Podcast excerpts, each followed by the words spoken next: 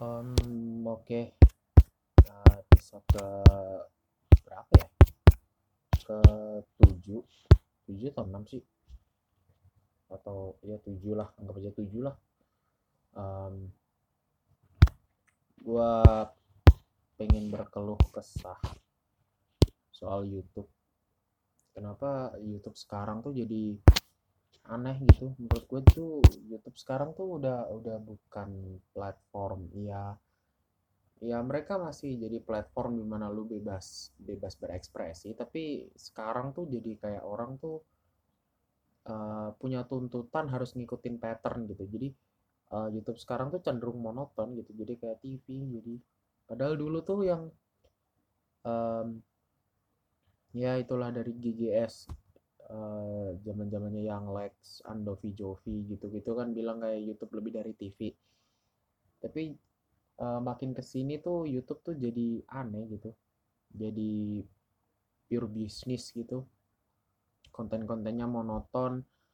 Uh, beberapa youtuber uh, udah cabut dari YouTube. Uh, kayak yang tadi gue sebut Andovi Jovi juga mau cabut jadi uh, youtuber-youtuber yang baru masuk sekarang tuh udah ekspektasinya tuh duit duit duit duit gitu. Jadi kayak kayak uh, mereka berusaha untuk menjadikan YouTube ini sebagai sebagai ladang untuk cari duit gitu. Bahkan bukan tidak mungkin ada yang jadi pekerjaan utama gitu. Yang uh, yang berniat untuk menjadikan ini pekerjaan utama gitu. Karena ya enak aja gitu kayak lu bebas berekspresi orang mencintai uh, lo karena ya itu diri lo gitu. Jadi mau apa pun mau apa pun lo juga tetap diterima.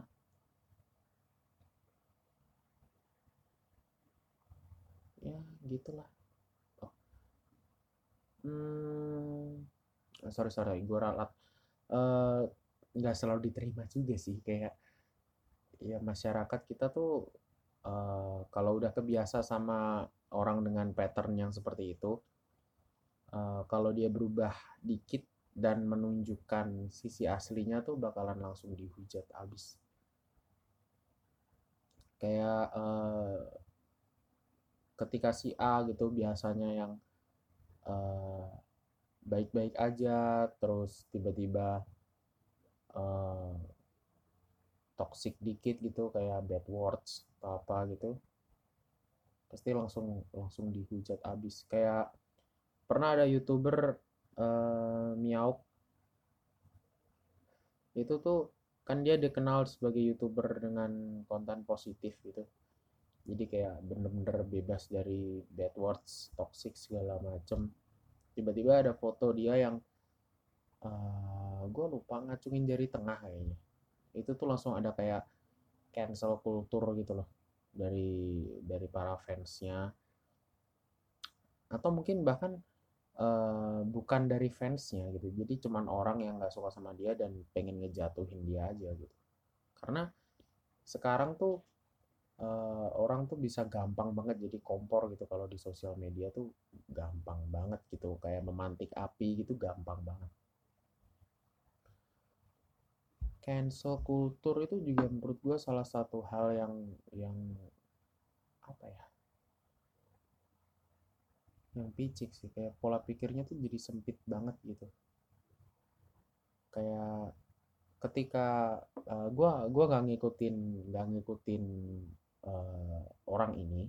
Maksudnya gue nggak nggak tahu uh, nggak tahu dia dengan video-video dia gitu. Tapi kayak kalau si Joji Joji yang sekarang berkarya dengan musik gitu ketika orang-orang tahu dia jadi pink guy itu langsung kena cancel kultur gitu. Jadi uh, para fansnya ini tidak menyangka bahwa Joji itu dulu se sekaya gitu gitu loh.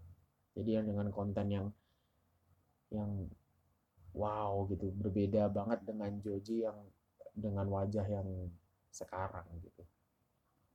Cancel culture itu juga salah satu hal yang apa ya mematikan banyak orang gitu. Uh, termasuk musisi-musisi yang udah mulai naik. Dan ya itu semua balik lagi ke fansnya sih balik lagi ke pendukungnya gitu gimana menyikapi hal-hal itu? Apakah dia masih masih stance untuk mendukung idolanya atau milih untuk cabut? Jadi balik lagi itu itu ke ke pendukungnya sih.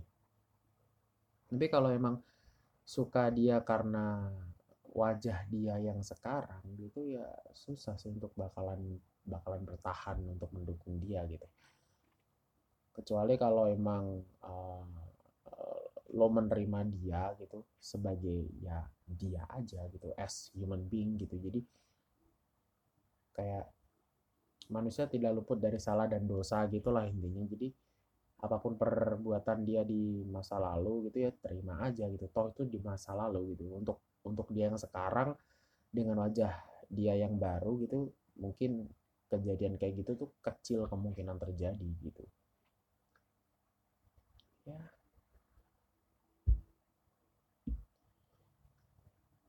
Jadi apa ya? Bingung sekarang tuh orang-orang. Mau YouTube udah nggak asik lagi apalagi katanya mau ada campur tangan dari uh, KPI untuk soal YouTube. Dan orang-orang sekarang milih ke platform yang berbayar kayak Netflix dengan segala tuntutan dari customer yang minta untuk IndiHome ngebuka blokiran Netflix akhirnya dibuka. Orang-orang milih untuk bayar gitu. Jadi uh, untuk mencari sebuah konten yang yang uh, spesifik ke dia gitu. Karena sekarang YouTube tuh udah mulai patternnya udah mulai monoton tadi gitu. Yang gue bahas lagi banyak banget prank gitu bahkan yang sempat masuk TV di mana prank-pranknya tuh konyol banget dari mulai Ferdian Paleka sampai yang baru-baru ini yang waktu kurban kemarin. Konyol banget. Ya. Bahkan gym aja sekarang ada pranknya gitu. Kayak apa pun tuh harus disisipi soal prank gitu. Kayak uh, membuat orang lain susah terkejut dengan segala refleksnya sebagai manusia tuh kayak tontonan yang bagus aja gitu buat buat kita. Kayak mulai dari uh, dulu yang masih main Mobile Legend gua subscribe Just No Limit kan. Just No Limit dulu dengan konten guide gitu dengan konten-konten edukasi soal game yang dia mainkan gitu dia salah satu channel yang uh, bisa jadi rujukan orang untuk untuk uh, apa ya jadi rujukan orang untuk nyari edukasi uh, soal game yang dia mainkan gitu. Jadi kayak build terus emblem segala macam gitu. Kayak dulu temen gua gitu waktu main Mobile Legend uh, ketika dia nggak tahu buildnya ya gua saranin untuk nonton channelnya Just Limit. Tapi sekarang udah kayak kontennya tuh berusaha memenuhi viewer gitu. Jadi memenuhi apa mau viewer mulai dari prank terus giveaway segala macam konten-konten giveaway juga menurut gua nggak sehat sih. Kayak uh, apa ya? Uh, yang nggak sehat kayak buat konten kreator gitu karena harusnya kan untuk sebagai tempat untuk berkarya gitu. Untuk membuat video di mana dia mau dan kalau emang fansnya mau support ya bisa lewat donasi dan segala macamnya ya giveaway sih sesekali nggak masalah sebagai bentuk feedback atas dukungan para fans gitu ya nggak masalah. Tapi kalau kontennya kayak yang cuma giveaway giveaway giveaway giveaway doang gitu ya nggak sehat sih. Nggak sehat karena ya itu tadi gitu. Lu konten kreator tapi kontennya giveaway doang. Kayak nggak ada yang nggak ada yang ditampilin selain giveaway gitu.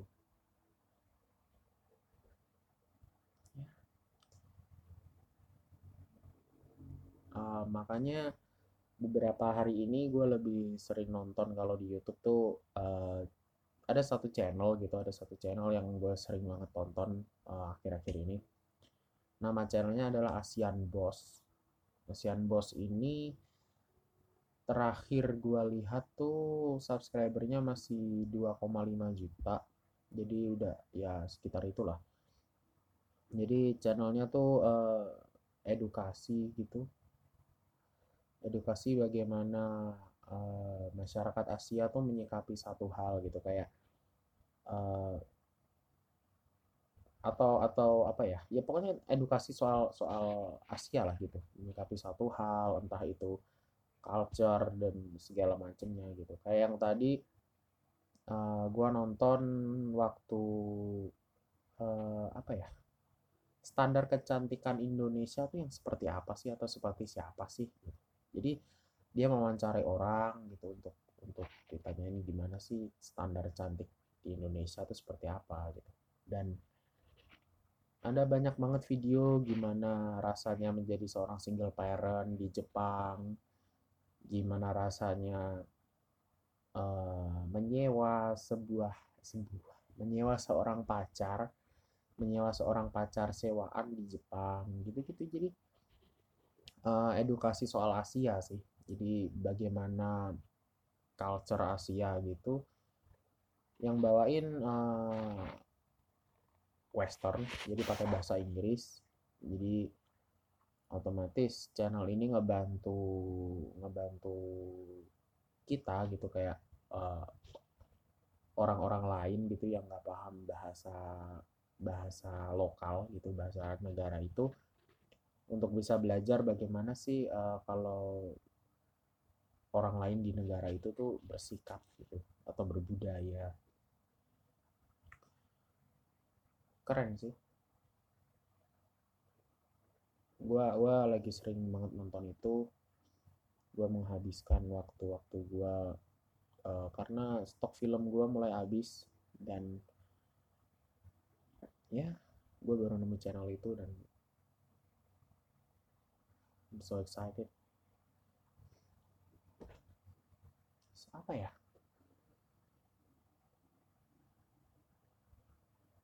Oh iya ngebahas soal drama kali ya. Drama di sosmed itu sebenarnya penting nggak penting sih. Kadang ada drama yang benar-benar nggak penting.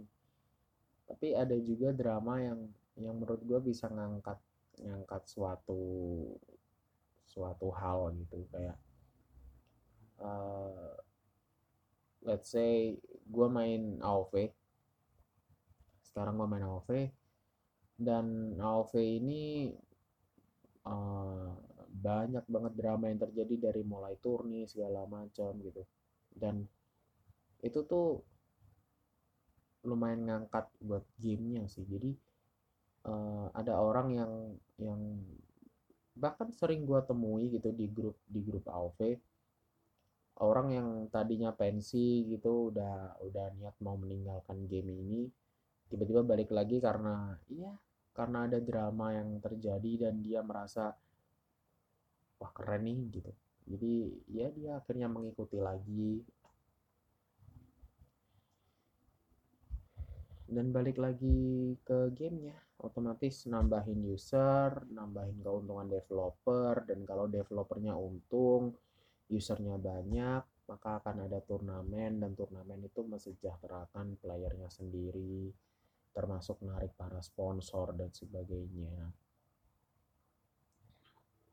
Kayak yang udah-udah aja lah gitu di ML gitu bisa sampai liganya bisa sampai franchise eh, franchise.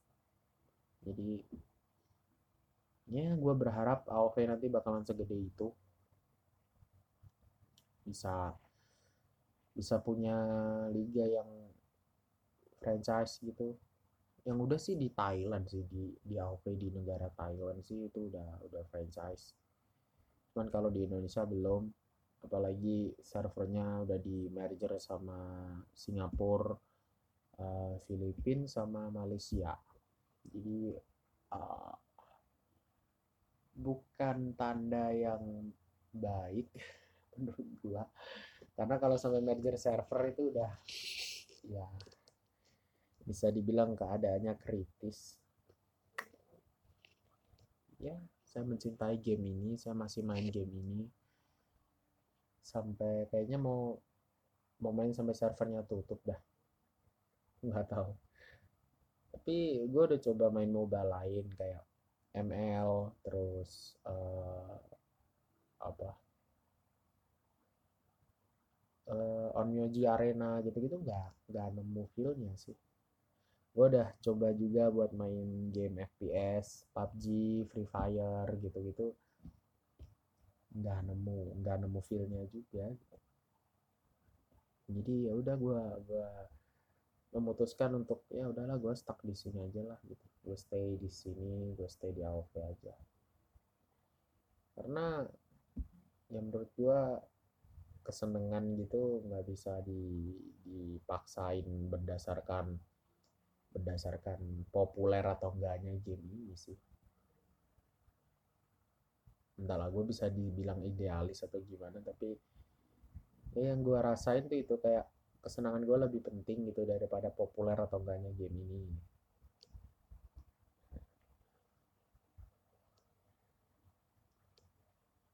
Hmm, apa ya?